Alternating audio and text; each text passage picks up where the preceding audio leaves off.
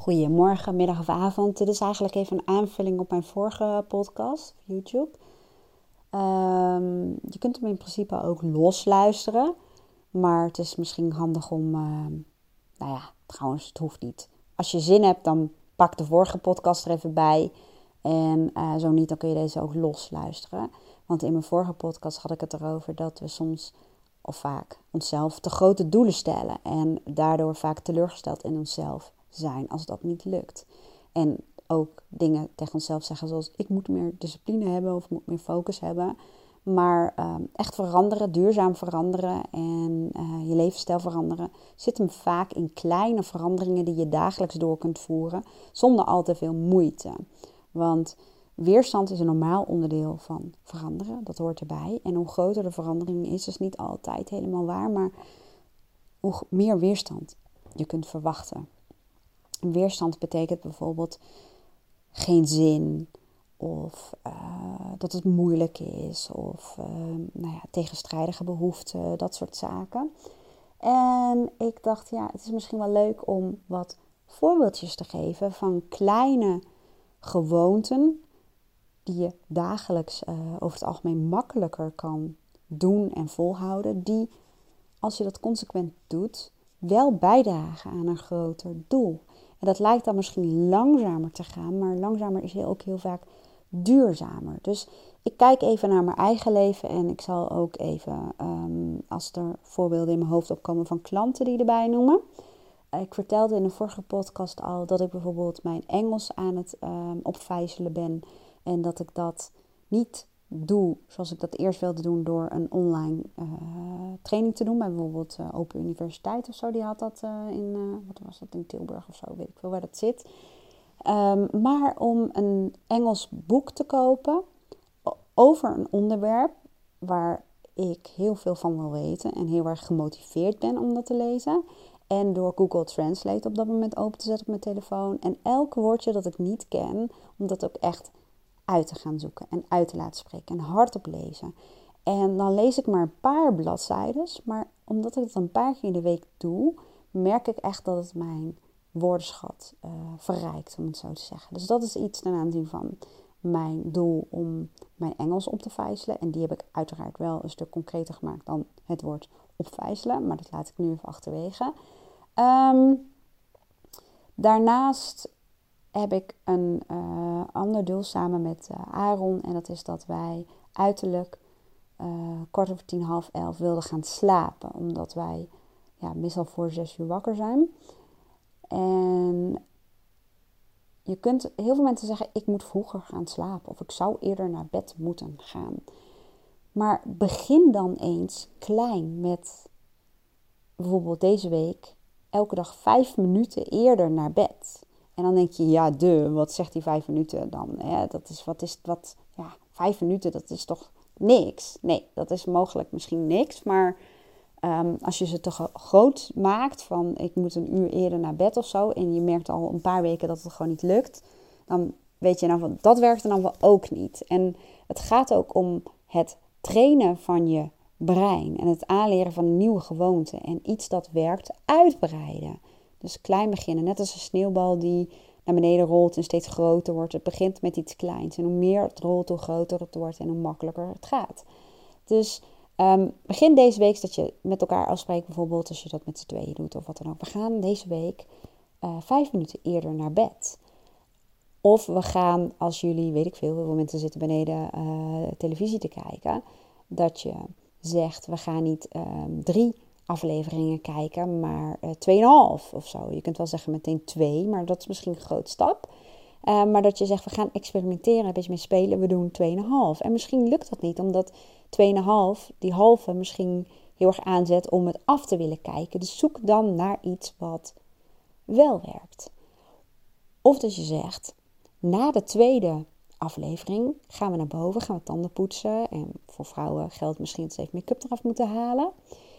En uh, maak ons eigenlijk klaar alvast. Dan heb je al één stap gezet in de richting van naar bed gaan.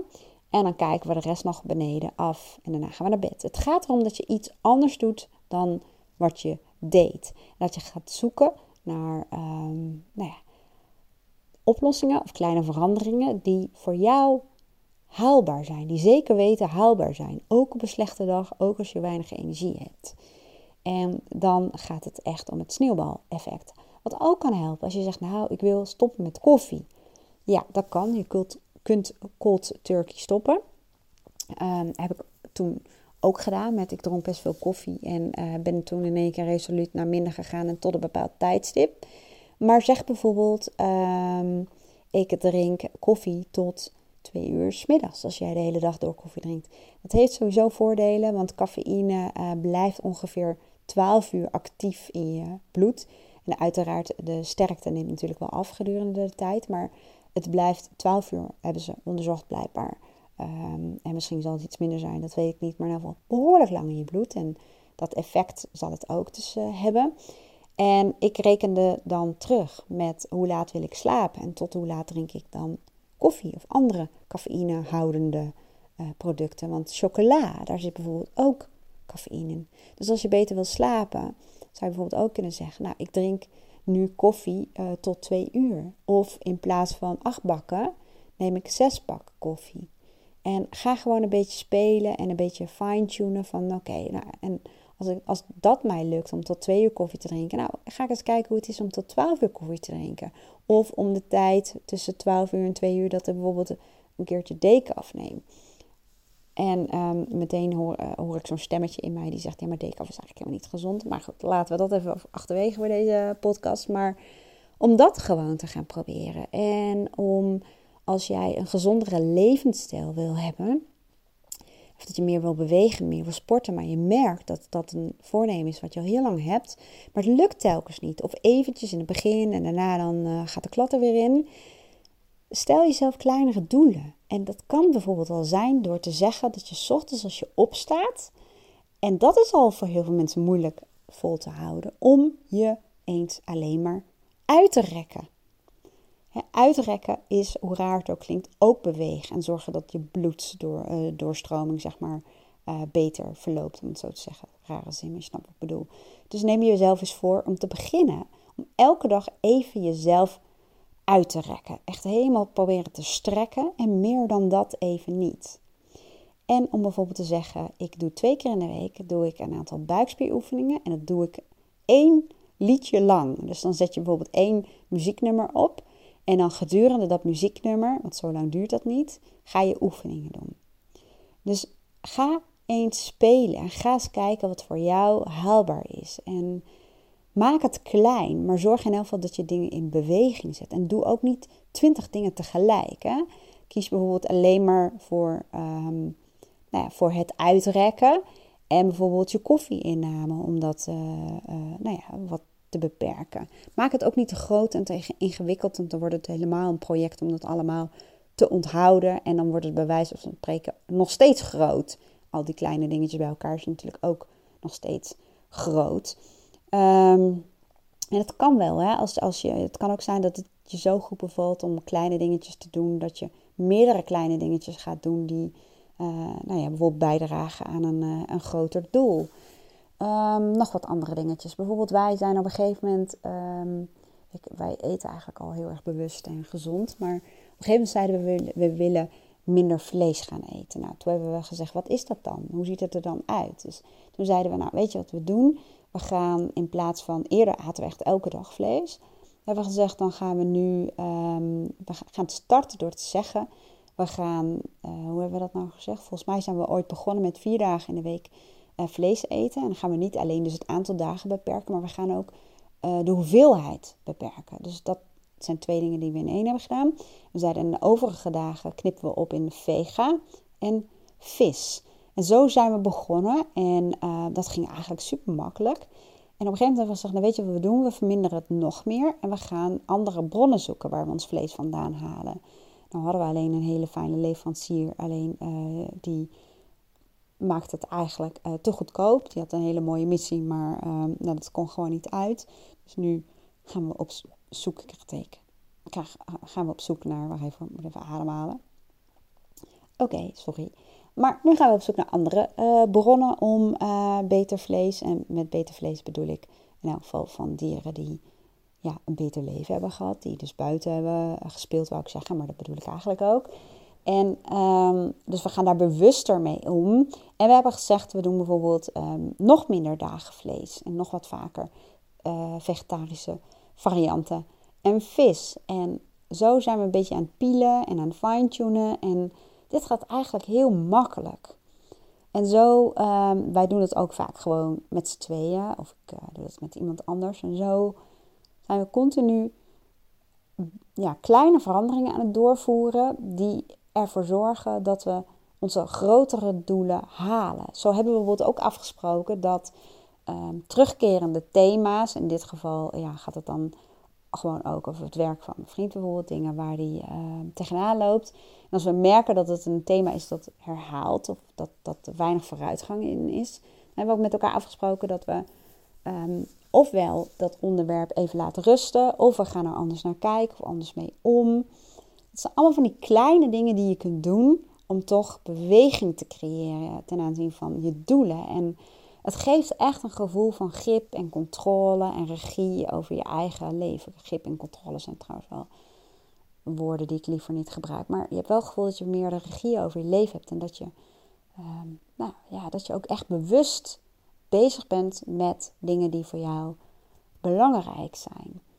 En met voeding ook bijvoorbeeld. Ik ben uh, altijd wel heel erg bewust aan het eten, maar ik ben dus ook aan het variëren om te kijken wat werkt gewoon goed voor mijn lichaam. En ik ben ook aan het experimenteren met um, minder vaak op een dag eten. Want uh, ik lees daar heel veel over en ik, ik heb ook wel vaak gelezen dat als je minder vaak eet, dat je vaak ook helderder en scherper bent in je hoofd. Omdat uh, eten, spijs verteren, kost gewoon heel erg veel energie. En uh, onttrekt ook ja, nou ja, een soort van bloed uit um, bijvoorbeeld je hersenen, om het zo te zeggen. En ik ben aan het experimenteren, want ik ben wel redelijk bewegelijk. En ik heb best wel wat uh, ja, voeding nodig, we het zo zeggen. Heel veel mensen zeggen, heb je niet een lindworm? Dus het is voor mij helemaal niet super makkelijk om dat te doen.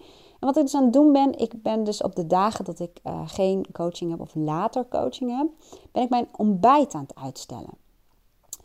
Om eens te kijken van, hoe gaat dat? Want als ik mijn ontbijt uitstel, merk ik ook dat ik bijvoorbeeld mijn lunch uh, dat die wat, wat minder wordt. Of dat ik hem wat later doe. Of dat ik s'avonds minder eet. En uh, ik merk inderdaad echt waar dat ik inderdaad helderder ben in mijn hoofd. En dat het dus toch wel wat doet.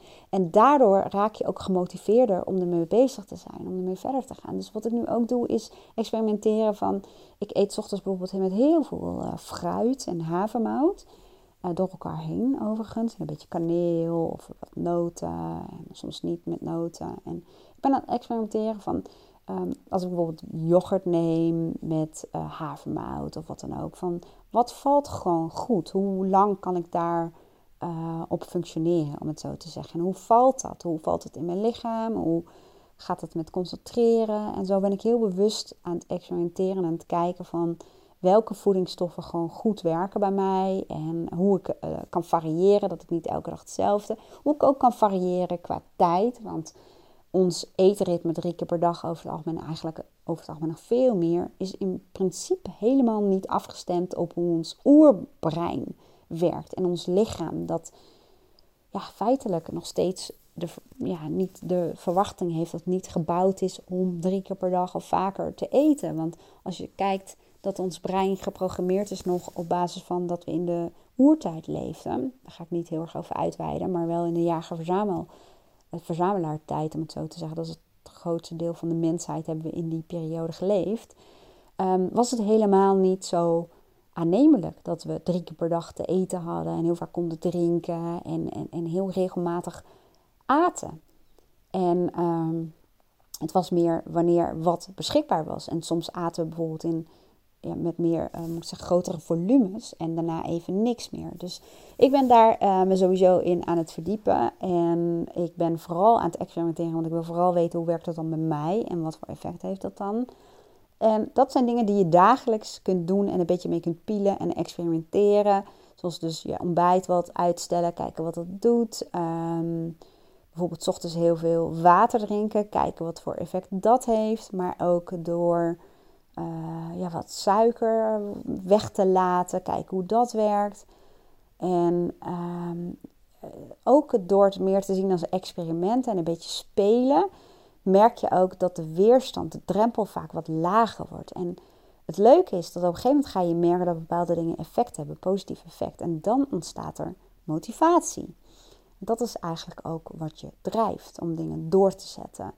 Even kijken of ik nog wat voorbeeldjes kan uh, noemen. Even kijken. Hmm.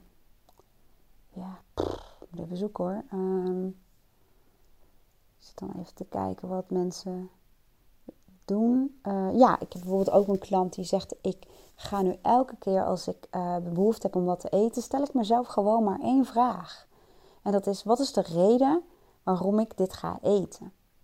Alleen maar die vraag. En dat helpt al een stukje bewustzijn te creëren van waarom, ja, waarom, ik ben niet zo fan van de waarom-vraag, maar wel om te onderzoeken van wat is voor mij de drijfveer om dit in mijn mond te stoppen of om hier naar te verlangen.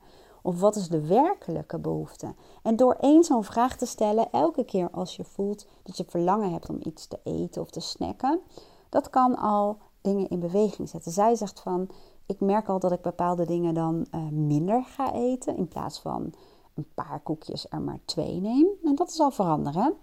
Of dat ik het oversla of uh, mijn echte behoeften ga vervullen.